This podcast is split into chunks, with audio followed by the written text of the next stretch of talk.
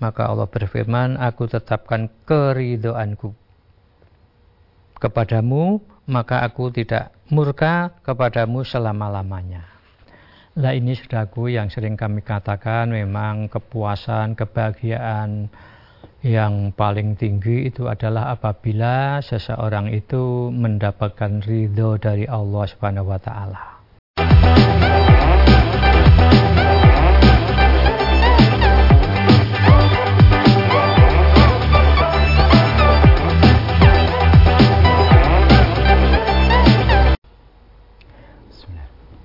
Assalamualaikum warahmatullahi wabarakatuh. Pemirsa MTA TV di mana pun Anda berada Alhamdulillahirrahmanirrahim Kita bersyukur pada Allah SWT pagi hari ini Dipertemukan kembali di sebuah pagi yang indah Insya Allah hari Senin.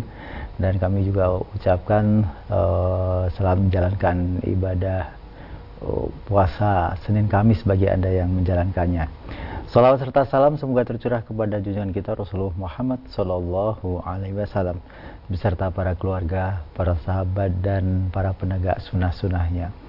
Pemirsa, di setiap hari antara pukul 5 pagi hingga 6 pagi kita akan selalu belajar dinullah Islam di mana uh, setiap hari acara ini digelar dan senantiasa pula setiap hari akan selalu bergantian yang membimbing kita dan hari Senin ini kita bertemu dengan beliau Ustadz Sri Sadono yang telah hadir di studio MTA TV.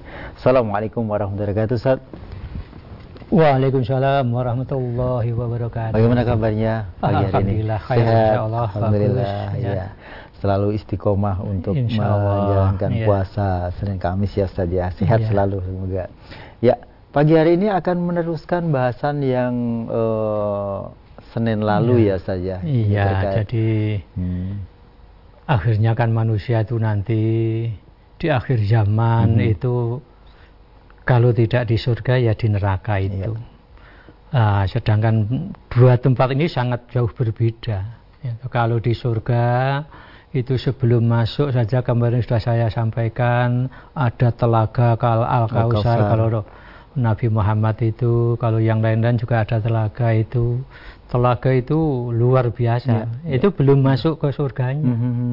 luar biasa. Maka betapa kecewanya seseorang itu apabila sampai mati dia itu tidak mendapatkan kebahagiaan hidup yang sebenarnya itu. Iya, iya. Mm -mm. Dan tingkatan surga pun juga tidak hanya sebatas satu sub atau ya. dua begitu ah. ya. Ternyata banyak juga bertingkat-tingkat. Hmm. Dipersilakan Ustaz. Baik. Bismillahirrahmanirrahim. Alhamdulillahi rabbil alamin. Ala umuri dunya waddin. Wa sallallahu ala Muhammadin wa ala alihi wa ashabihi ajmain. Amma ba'du. Saudara-saudaraku kaum muslimin dan muslimat yang dimuliakan Allah Subhanahu wa taala. Juga pemirsa sekalian, pendengar sekalian di mana pun Anda berada yang berbahagia. Tidak lupa senantiasa mengingatkan untuk bersyukur kepada Allah Subhanahu wa taala atas nikmat karunia-Nya yang telah dicurahkan kepada kita sekalian, baik nikmat lahiriah maupun nikmat batiniah Hingga kesempatan pagi hari ini, saudaraku, kita bisa berjumpa kembali lewat udara dalam acara Fajar Hidayah. Untuk itu mudah-mudahan pertemuan kita ini senantiasa dirahmati, diridhoi oleh Allah Subhanahu wa taala. Saudaraku, sebelum kita beraktivitas untuk hari ini, hari Senin, marilah kita awali pagi hari ini dengan bincang-bincang tentang dinullah. Lalu sama-sama kita perhatikan nasihat-nasihat yang ada di dalam Al-Quran maupun As-Sunnah sebagai sumber daripada agama kita dengan harapan agar tingkah laku kita, perbuatan kita senantiasa berada di atas jalan yang lurus, jalan yang benar, benar yang ujung-ujungnya kita mengharapkan keselamatan dan kebahagiaan hidup baik di dunia ini maupun di akhirat nanti. Saudaraku, betapa berat dan susahnya apabila seseorang itu dalam hidup di dunia yang hanya sebentar ini kalau dibanding dengan kehidupan nanti di akhirat apabila dia tidak mendapatkan petunjuk dari Allah sehingga dalam aktivitas hidupnya dia tidak kenal kepada Allah maka akhirnya nanti akan menyesal yang pada saat itu penyesalan itu sudah tidak ada gunanya karena apa? karena walaupun meronta-ronta menjerit-jerit minta dikembalikan ke dunia lagi untuk memperbaiki memperbaiki amal-amalnya tapi Allah sudah berkehendak lain. Tidak mungkin seseorang apabila sudah sampai perjalanannya menuju kampung akhirat itu kembali lagi mundur ke dunia itu tidak mungkin. Nah akhirnya hidup ini ya hanya sekali ini. Kita hakikatnya berjalan terus, berjalan menuju kampung akhirat itu. Nah maka oleh sebab itu syukur kepada Allah Subhanahu wa taala di mana di dalam kesempatan hidup kita ini Allah memberikan hidayah berupa iman, Islam sehingga kita akan mengerti makna hidup kita itu. Sehingga kalau kita itu mengerti makna hidup, insya Allah Ta'ala tidak akan sembarangan kita memanfaatkan waktu-waktu hidup kita itu.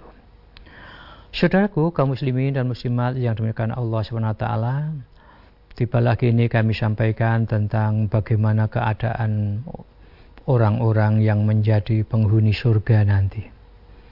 Betapa menyenangkannya hidup di dalam surga itu, yang saya katakan di luarnya saja itu ada telaga di mana apabila seseorang itu minum telaga itu dikatakan airnya saja jernihnya luar biasa. Lebih putih daripada susu, harumnya lebih bau, lebih harum daripada kasturi. Rasanya, lezatnya luar biasa. Sehingga sampai dikatakan oleh Rasulullah itu apabila seseorang itu minum di telaga itu sudah tidak ada haus lagi. Tidak ada haus lagi artinya tidak ada kemudian hasrat untuk minum lagi tidak. Tetapi dia tetap ada keinginan untuk minum itu karena minumnya itu bukan karena dorongan haus, tapi karena dorongan hebatnya tempat itu, harumnya tempat itu, jernihnya airnya itu, gitu sehingga kerasan, itu. sehingga secangkir ya, minuman di telaga itu sampai berhari-hari dinikmatinya. Nah itulah saudaraku, lah kemudian nanti apabila seseorang itu sudah masuk ke dalam surga itu di mana Allah memberikan segala apa yang dimintakan. Apa pun yang diminta itu akan diberi oleh Allah di dalam surga itu. Yang mana di dalam surga itu nanti sudah tidak ada kesusahan lagi. Sampai-sampai dikatakan oleh Rasulullah apabila nanti di surga itu sudah manusia di penghuni surga itu tidak ada ingusan itu itu tidak ada kotor-kotoran dari anu itu tidak ada semuanya menjadi senyawa, semuanya dapat hanya dirasakan enaknya, baiknya itu. Maka Rasulullah Shallallahu Alaihi Wasallam, saudaraku, itu, memberikan satu gambaran bagaimana senangnya orang yang hidup di dalam surga itu. Di dalam hadis yang diriwayatkan Bukhari Muslim itu, itu Nabi mengatakan, ya, An Abi Sa'idin Al-Khudrizi radhiyallahu anhu anna Rasulullah sallallahu alaihi wasallam Inna Allah ya wa jalla yaqulu li ahli jannah Ya ahla jannah fayaquluna labbaika rabbana wa sa'daik wal khairu fi yadaik. Fayaqulu hal radaitum? Fayaquluna wa malana la antu ardo ya rabbana wa qad ahtaita malam tuati akadan min khalaqika fayaqulu ala u'tikum afdala min kadhalik fayaquluna wa ayyu syai'in afdalu min dhalika fayaqulu ukhillu alaikum ridwani fala askhatu alaikum ba'dahu abadan dari Abu Sa'id Al-Khudri radhiyallahu an ia berkata, sungguh Rasulullah SAW pernah bersabda, Allah ya bacala memanggil ahli surga. Hai ahli surga, mereka menjawab, Labbaik wa sa'daik, ya Tuhan, segala kebaikan di tanganmu. Gitu. Allah berfirman, apakah kamu telah puas dengan limpahan rahmat di dalam surga itu? Apakah kamu sudah puas? Dan mereka-mereka penghuni surga itu tadi menjawab, bagaimana kami tidak puas ya Allah, ya Tuhanku, sungguh engkau telah memberi kepada kami apa-apa yang tidak engkau berikan kepada seorang pun dari makhlukmu. Allah berfirman, sukakah aku berikan yang lebih baik dari semua itu? Sukakah kamu? Aku beri yang lebih baik dari semua itu. Mereka menjawab, apa ya Allah ya Tuhan yang lebih dari semua itu?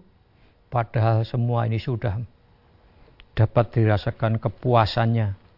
Masih ditawarkan lagi satu hal yang lebih daripada semua itu maka Allah berfirman, aku tetapkan keridoanku kepadamu, maka aku tidak murka kepadamu selama-lamanya.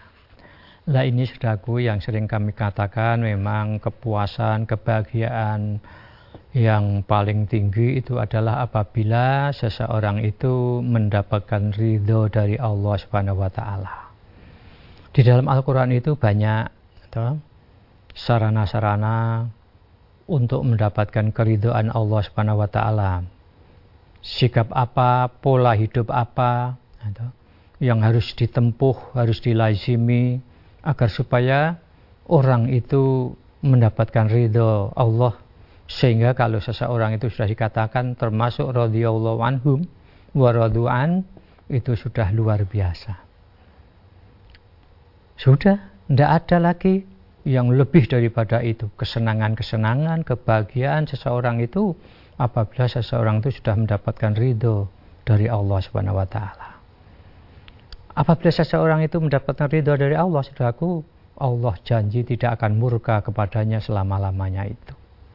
Nah, ini Saudaraku, maka dalam hidup itu memang hendaknya kita berusaha agar supaya hidup itu senantiasa mendapatkan keridhaan Allah maka segala tingkah laku kita, segala perbuatan kita, sampai ucapan-ucapan kita itu pun hendaknya dibukul, diikat dengan hanya mencari ridho Allah Subhanahu wa taala.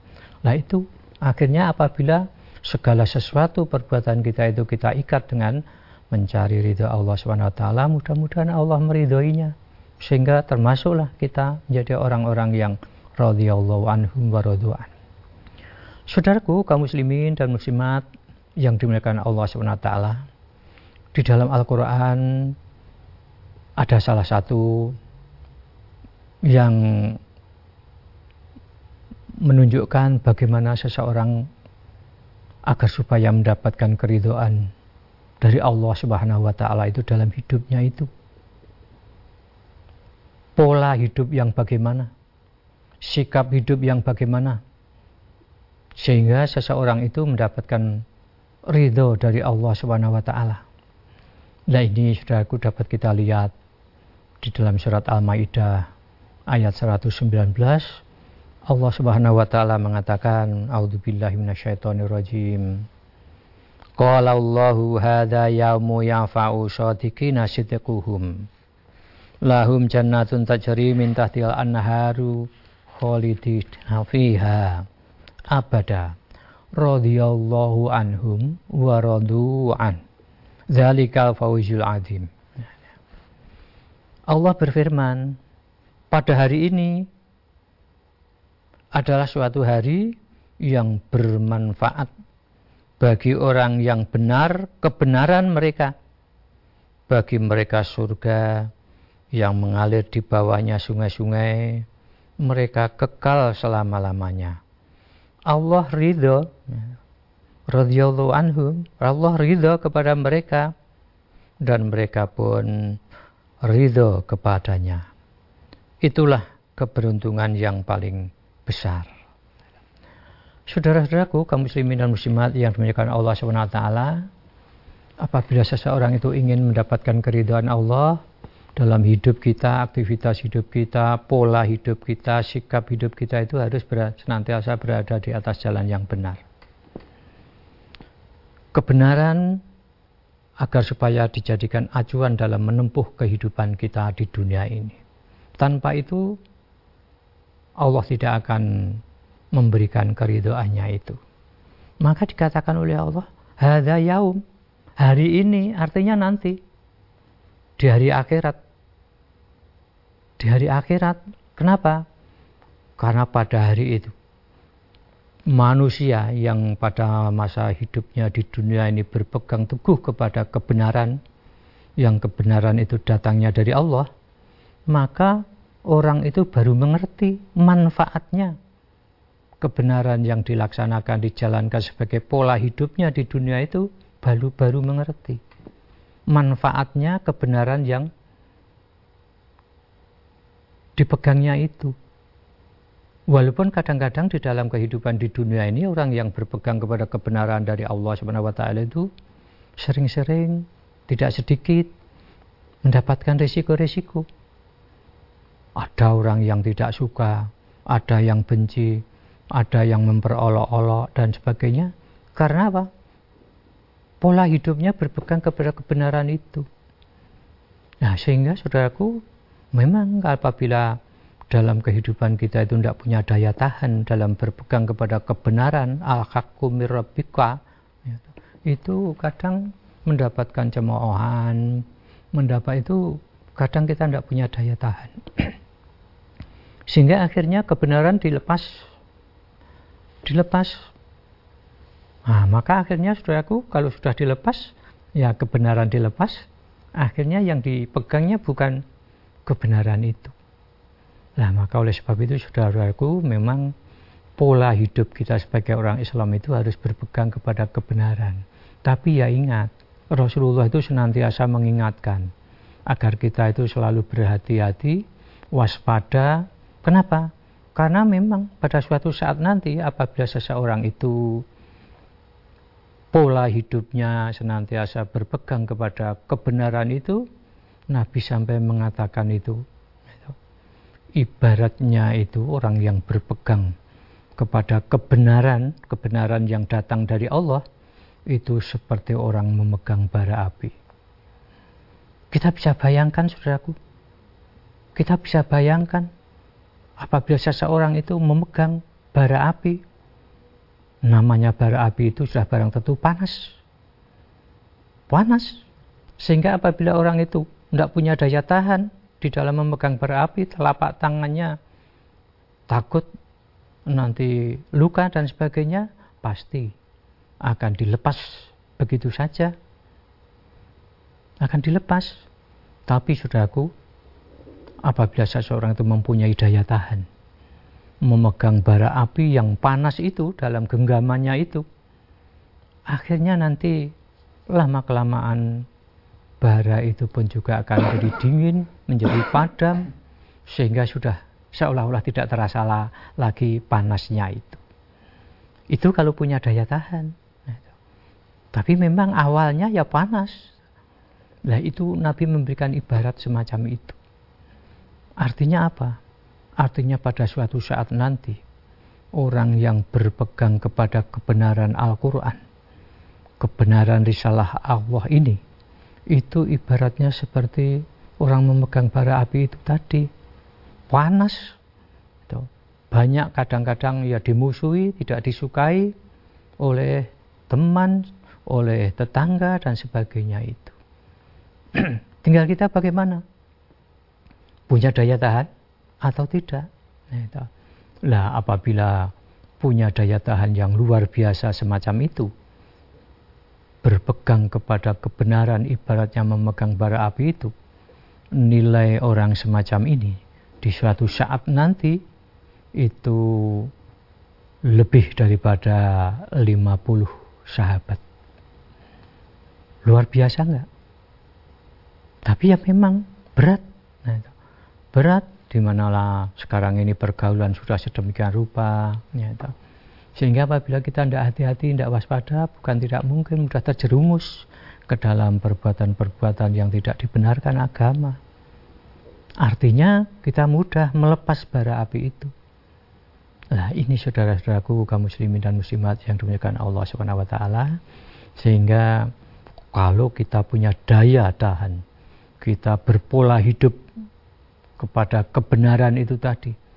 Kebenaran yang datangnya dari Allah itu nanti Allah menjanjikan bahwa nantinya akan diberikan kepadanya itu surga yang di bawahnya mengalir sungai-sungai dan mereka kekal untuk selama-lamanya. Asal dalam hidup itu polanya, you pola kebenaran, you sikap hidupnya kebenaran, kebenaran Al-Quran itu al-hakku. Nah ini saudara-saudaraku, maka sebagai orang muslim itu hendaknya memang sudah kita niati, gitu. kita niati bahwa pola hidup kita itu tidak sebagaimana orang yang tidak muslim itu berbeda. Kita harus berpegang kepada aturan-aturan agama di mana Allah Rasul memberikan rambu-rambu kepada kita semuanya agar di dalam hidup ini berhati-hati dalam hidup ini supaya menuju kepada kemaslahatan dunia dan akhirat itu. Lah itu yang penting saudaraku sehingga apabila seseorang itu berpegang kepada kebenaran itu manfaat kebenaran itu baru dimengerti sebagaimana dalam surat Al-Maidah ayat 119 itu nanti di hari kiamat di mana pada hari itu orang yang berpegang kepada kebenaran pada masa hidupnya di dunia itu mendapatkan naungan, diberi balasan surga, dan Allah ridho kepadanya dan mereka pun ridho dan itu merupakan satu keberuntungan yang besar. Ah, mudah-mudahan kita tertarik dengan hmm. itu. Untuk itu teruslah kita berpegang kepada kebenaran dalam aktivitas hidup kita sehari-hari ini. Yeah. Begitu. Baik.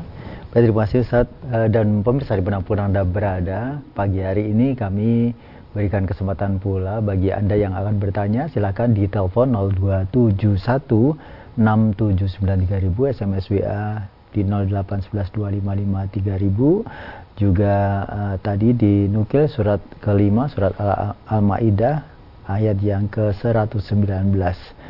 Kita akan kembali setelah jeda para pariwara berikut ini. Baik pemirsa di mana pun Anda berada, Anda masih bersama di Fajar Hidayah pagi hari ini, masih bersama pula dengan Ustadz Sri Sadono. Dan langsung saja untuk uh, Anda yang ingin bertanya silahkan telepon di 0271 6793000 SMS WA ada di 08112553000 Kita buka dahulu untuk yang ada di telepon. Halo Assalamualaikum warahmatullahi wabarakatuh. Halo Assalamualaikum warahmatullahi wabarakatuh. Halo Assalamualaikum. Waalaikumsalam warahmatullahi wabarakatuh. Ya. Pak di Palembang. Pak Palembang. Ya, ya, ya. Makasih. Silakan. Assalamualaikum Pak Ustaz, Mas Rudi. Waalaikumsalam warahmatullahi wabarakatuh.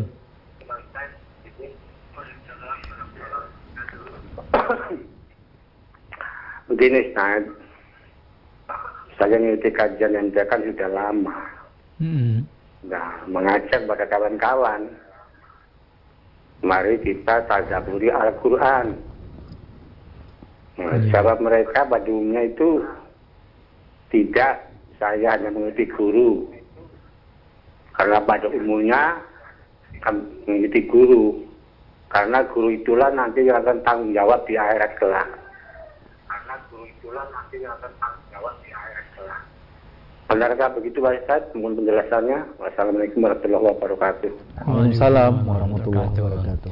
Iya, jadi yang penting dakwah itu memang dianjurkan setiap pribadi muslim. Itu baliguani walau ayah. Tapi perlu diingat bahwa hidayah itu bukan dari dai-nya, bukan dari mubaliknya atau kiainya tidak. Hidayah itu ada di tangan Allah. Nah, tinggal kita hanya menyampaikan nanti hidayah itu dari Allah. Sehingga apabila misalnya kita sebagai seorang dai mengajak tiba-tiba menyangkal bahkan uh, kalau di zaman Nabi Nuh itu diajak itu bajunya malah ditutupkan ke mukanya atau matanya ditutup telinga tutup agar supaya tidak mendengar lagi seruan-seruan dakwah itu itu lah kalau kita kebetulan atau mendapatkan sikap-sikap seperti begitu itu ya kita harus sabar nah, memang kita itu hanya juga menyampaikan gitu. menyampaikan gitu, dakwah disampaikan adapun hidayah itu dari Allah gitu. nah, sehingga itu keberhasilan tidak ditentukan oleh banyaknya pengikut yang mau masuk atau mau mengikuti seruan kita itu tidak.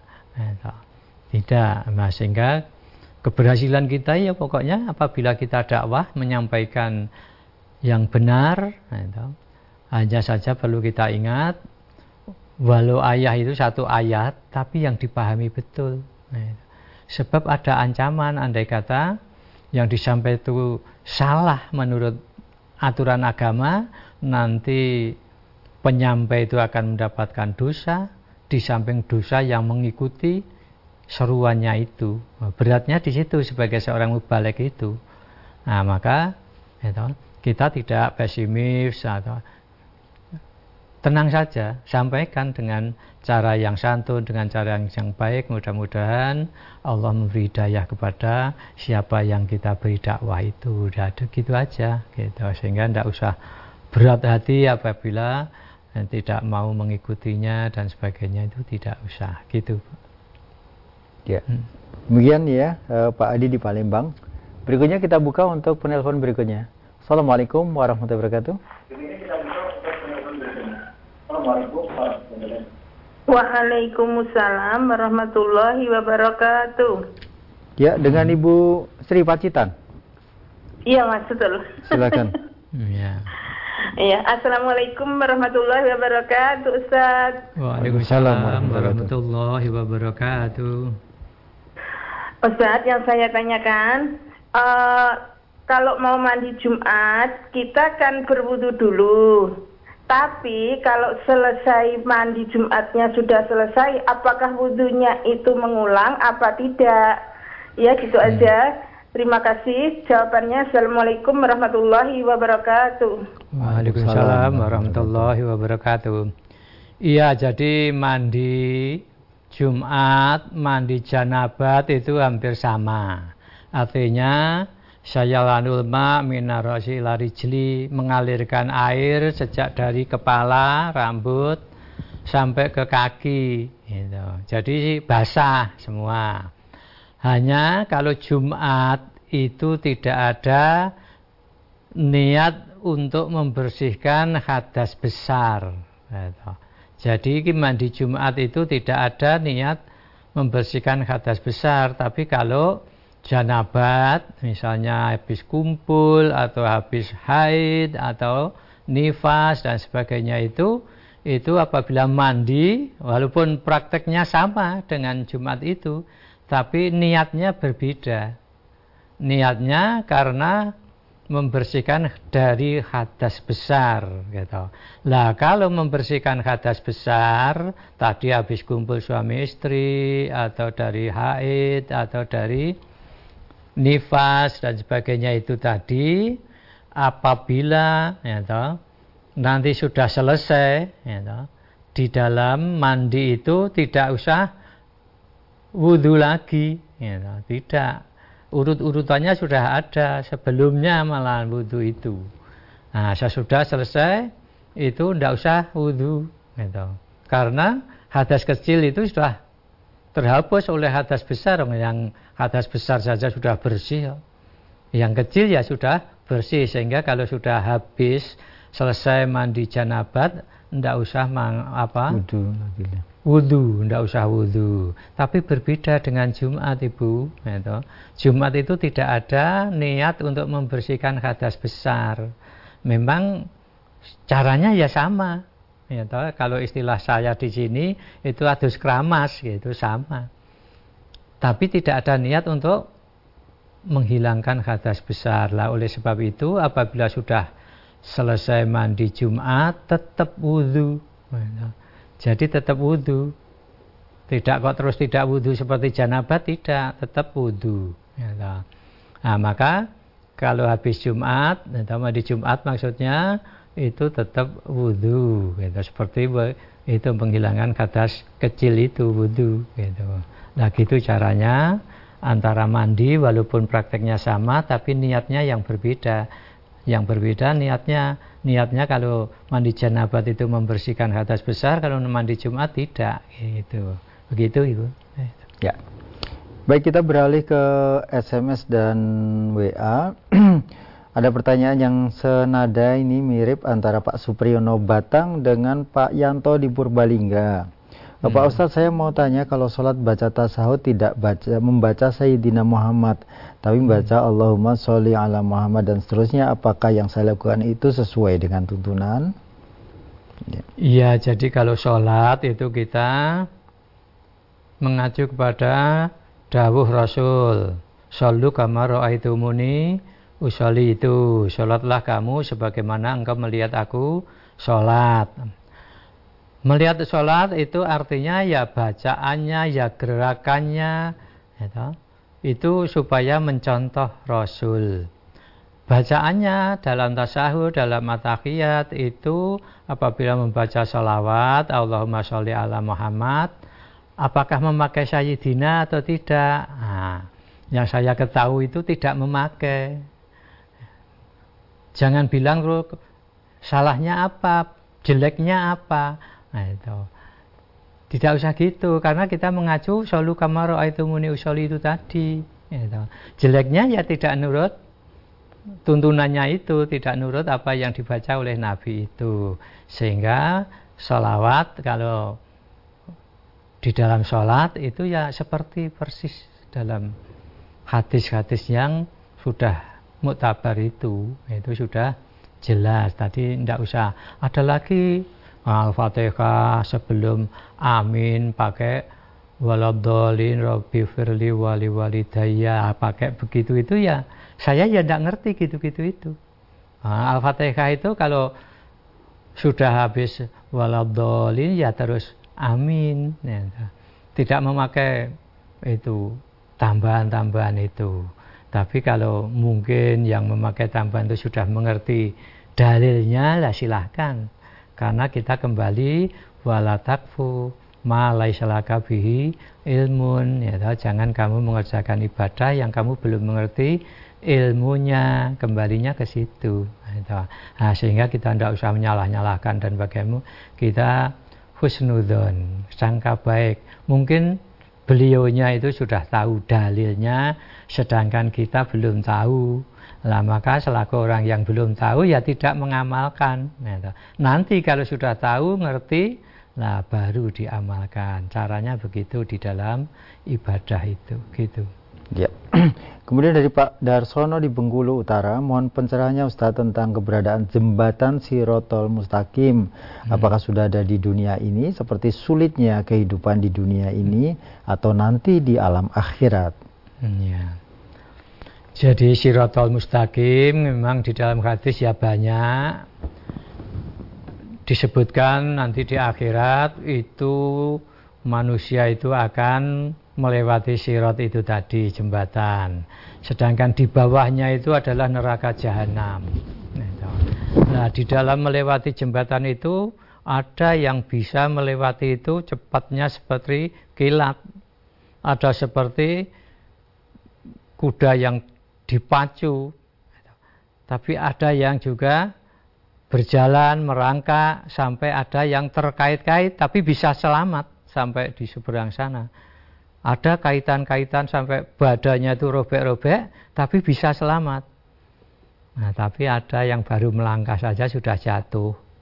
Jatuh padahal di bawahnya itu itu adalah neraka itu.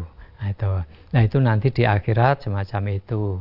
Nah, sedangkan sirotol mustaqim di dunia ini, ini sebagaimana dalam surat Al-An'am itu 153 itu, ya, Siratul Mustaqim itu adalah Al-Quran ini ya Al-Quran ini merupakan Siratul Mustaqim ya yang mana apabila kita ya ingin melewati ya Siratul Mustaqim itu tadi ya harus berpegang teguh kepada kebenaran Al-Quran itu harus berpegang teguh nah, itu.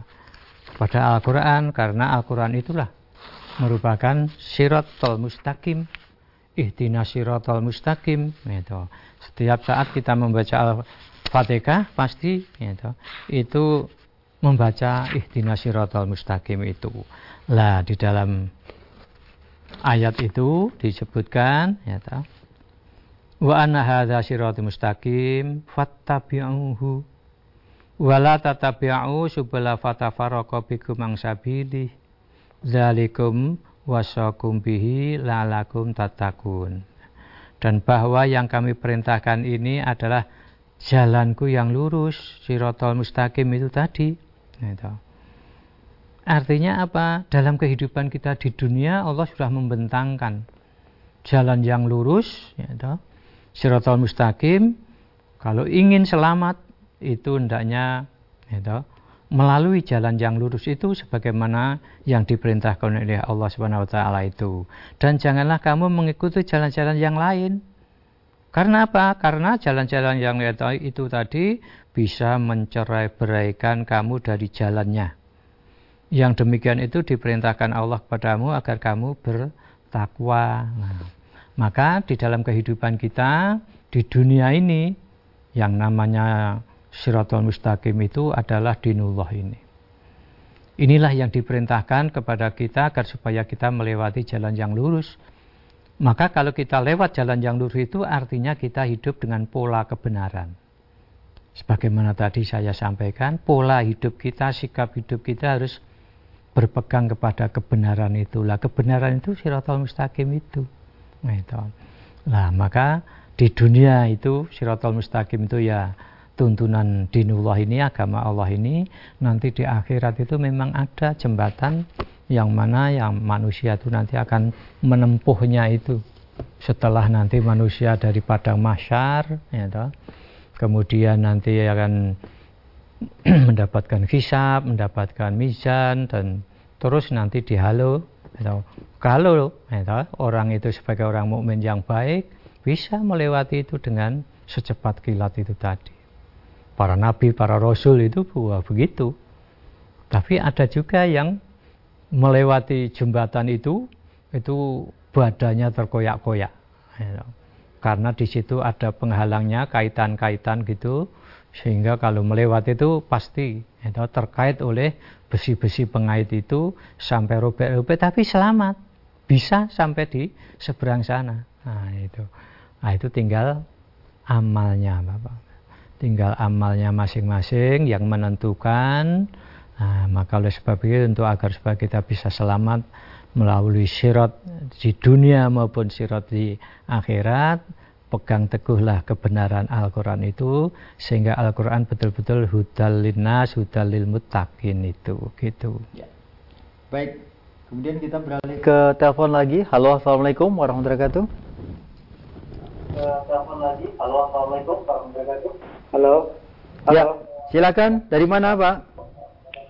Halo. Halo, silakan. Dari mana ini? Halo. Ya, halo Pak. Silakan. Dari mana, Pak? Halo. Halo. Ya, halo Pak. Silakan. Dari mana, Pak? Dari Kalimantan. Namanya siapa? Dari Kalimantan. Namanya siapa? Tani. Tani namanya. Pak Tani ya? Iya. Ya, eh Pak Tani ini mungkin bisa suara iya. radio ya. atau TV-nya dikecilkan Pak. Anda masih bisa menyimak melalui uh, teleponnya begitu. Iya. Silakan. Oh iya iya. Ya sudah Ustaz. Ya, Pak ya, Tan. Assalamualaikum Ustaz. Waalaikumsalam warahmatullahi wabarakatuh. Ya, yang saya tanyakan Ustaz tadi ini aja Ustaz. Kalau kita suami istri sholat di rumah Hmm. Istri kita itu di samping kanan kita kah atau di belakang kita kah Ustaz? Hmm. Yang sesuai tuntunan itu Ustaz. Yeah. Nah itu aja pertanyaan saya Ustaz. Iya. Yeah. Ya. Assalamualaikum warahmatullahi wabarakatuh Ustaz. Waalaikumsalam warahmatullahi wabarakatuh. Ya. Iya, jadi menurut susunan soft apabila makmumnya itu ada yang putri letaknya tetap di belakang. Ya, tetap di belakang walaupun itu suami istri. Ya, suami istri itu berbeda kalau makmumnya satu laki-laki itu ada di samping. Terus kalau ada perempuan lagi di belakang. Nah, kalau ada makmumnya laki perempuan, itu yang laki-laki satu tadi di samping imamnya, samping sebelah kanannya. Kemudian yang wanita tadi tidak tidak di sampingnya makmum laki-laki tidak, tapi di belakang. Gitu. Jadi di belakang. Nah kalau hanya satu, makmumnya satu wanita, itu imamnya di muka, makmumnya walaupun istrinya wanita itu tetap di belakang. Gitu. Jadi susunan softnya itu begitu itu. Gitu. Sehingga tidak usah dirubah-rubah, jangan terus beranggapan lagi suamiku tidak apa-apa, tidak gitu tidak apa-apa. Artinya bersentuhan atau bagaimana pun itu suaminya itu tidak. Tapi aturannya susunan soft itu wanita itu memang di belakang itu di belakang walaupun itu imamnya itu suaminya sendiri itu begitu. Ya. Mm -mm. Baik di belakangnya Pak Tani. Halo, assalamualaikum warahmatullahi wabarakatuh. Belakangnya Pak Tani. Halo, assalamualaikum warahmatullahi wabarakatuh. Waalaikumsalam. Ya. Warahmatullahi wabarakatuh. Abu Syuhada di Pontianak, silakan. Iya. Assalamualaikum warahmatullahi wabarakatuh, Pak Ustaz. Waalaikumsalam warahmatullahi wabarakatuh. Sehat, Pak Ustaz? Alhamdulillah. Alhamdulillah. Doanya. Ya, semoga semua sehat. Ya. Tentunya juga penyanyi kita itu mudah-mudahan sehat juga. Alhamdulillah. Ya, ya Pak Ustaz, ini akan Pak Ustaz membahas soal ridho Allah tadi. Saya tertarik, tertarik banget dengan hal ini. Ini karena memang dalam perjalanan kehidupan saya juga mencari itu Ustaz. Cuma yang ingin saya katakan, yang tanyakan Kurang paham. Dalam definisi ridho Allah itu Ustaz, bisakah, adakah kita ketahui bahwa ah, kita ini mendapat ridho Allah atau belum, atau bagaimana itu? Adakah tanda-tandanya bahwa kita, apa pun amal ibadah yang kita laksanakan di muka bumi ini, sudah mendapat ridho Allah atau belum itu? Kalaupun mendapat, apakah ada tanda-tandanya mungkin yeah rezeki murah ataupun setiap ibadah nyaman itu atau apa Ustaz? Ya. Adakah tanda-tanda dari Allah itu bahwa kita sudah mendapat ridho Allah itu Ustaz? Ya. Agar kita bisa lebih meningkatkan atau ataukah tanda itu nanti ada di akhirat Ustaz? Tidak ada diwujudkan di muka bumi ini. Ya. Nah, itu aja Ustaz, mohon penjelasan. Terima kasih. Semoga Allah mengampuni kita semua dan selalu sehat. Ya. Assalamualaikum warahmatullahi wabarakatuh. Waalaikumsalam warahmatullahi wabarakatuh. Ya. Gimana maksudnya? Uh, jadi apakah ridha Allah apa yang kita amalkan, kita lakukan itu oh. sudah mendapatkan ridha Allah itu apakah ada tanda-tandanya Ustaz oh, sebelumnya oh, begitu Iya, jadi gini Bapak. Setiap perbuatan-perbuatan kita apabila itu sesuai dengan aturan agama yang mana agama itu sumbernya adalah Quran dan Sunnah itu ya itu merupakan satu perbuatan yang diridhoi oleh Allah. Yang diridhoi oleh Allah kalau perbuatan-perbuatan itu sesuai dengan Quran dan Sunnah. Sebaliknya apabila yang tidak sesuai dengan Quran dan Sunnah, bagaimanapun juga, walaupun mungkin dalam kehidupan ini dipandang baik, ya, tapi kalau tidak sesuai dengan Quran dan Sunnah, ya itu tidak baik tidak baiklah ukurannya kebaikan itu adalah al hakku itu tadi al hakku mir mirobikum itu. Kebenaran itu datang dari Tuhan itu. Nah, itu. nah sehingga tanda-tandanya ya tinggal kita atau, maka perlu di kita ngaji terus agar supaya kita mengerti tuntunan itu sehingga kita tinggal menyesuaikan nyata menyesuaikan perbuatan kita tindakan kita itu agar supaya sesuai dengan aturan agama itu. Atau dengan cara yang demikian itu insya Allah kita akan mengarah kepada kebenaran itu tadi berpegang kepada kebenaran itu jadi begitu itu, yang dimaksud dengan dalam kehidupan ini apakah sudah ada tanda-tanda mendapatkan keridhaan dari Allah itu ya jelas kalau orang itu mengikuti itu aturan-aturan agama la khaufun alaihim walahum yahzanun. Jaminannya itu. Tidak pernah khawatir, tidak pernah takut, tidak pernah susah. Itu jaminannya.